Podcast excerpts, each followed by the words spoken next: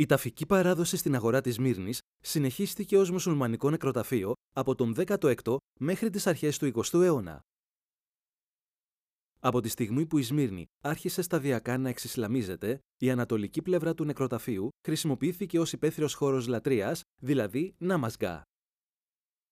Για το λόγο αυτό, ο τόπος αυτός ονομάζεται ως υπαίθριος χώρος λατρείας, δηλαδή Νάμασγκά, από τον 17ο αιώνα.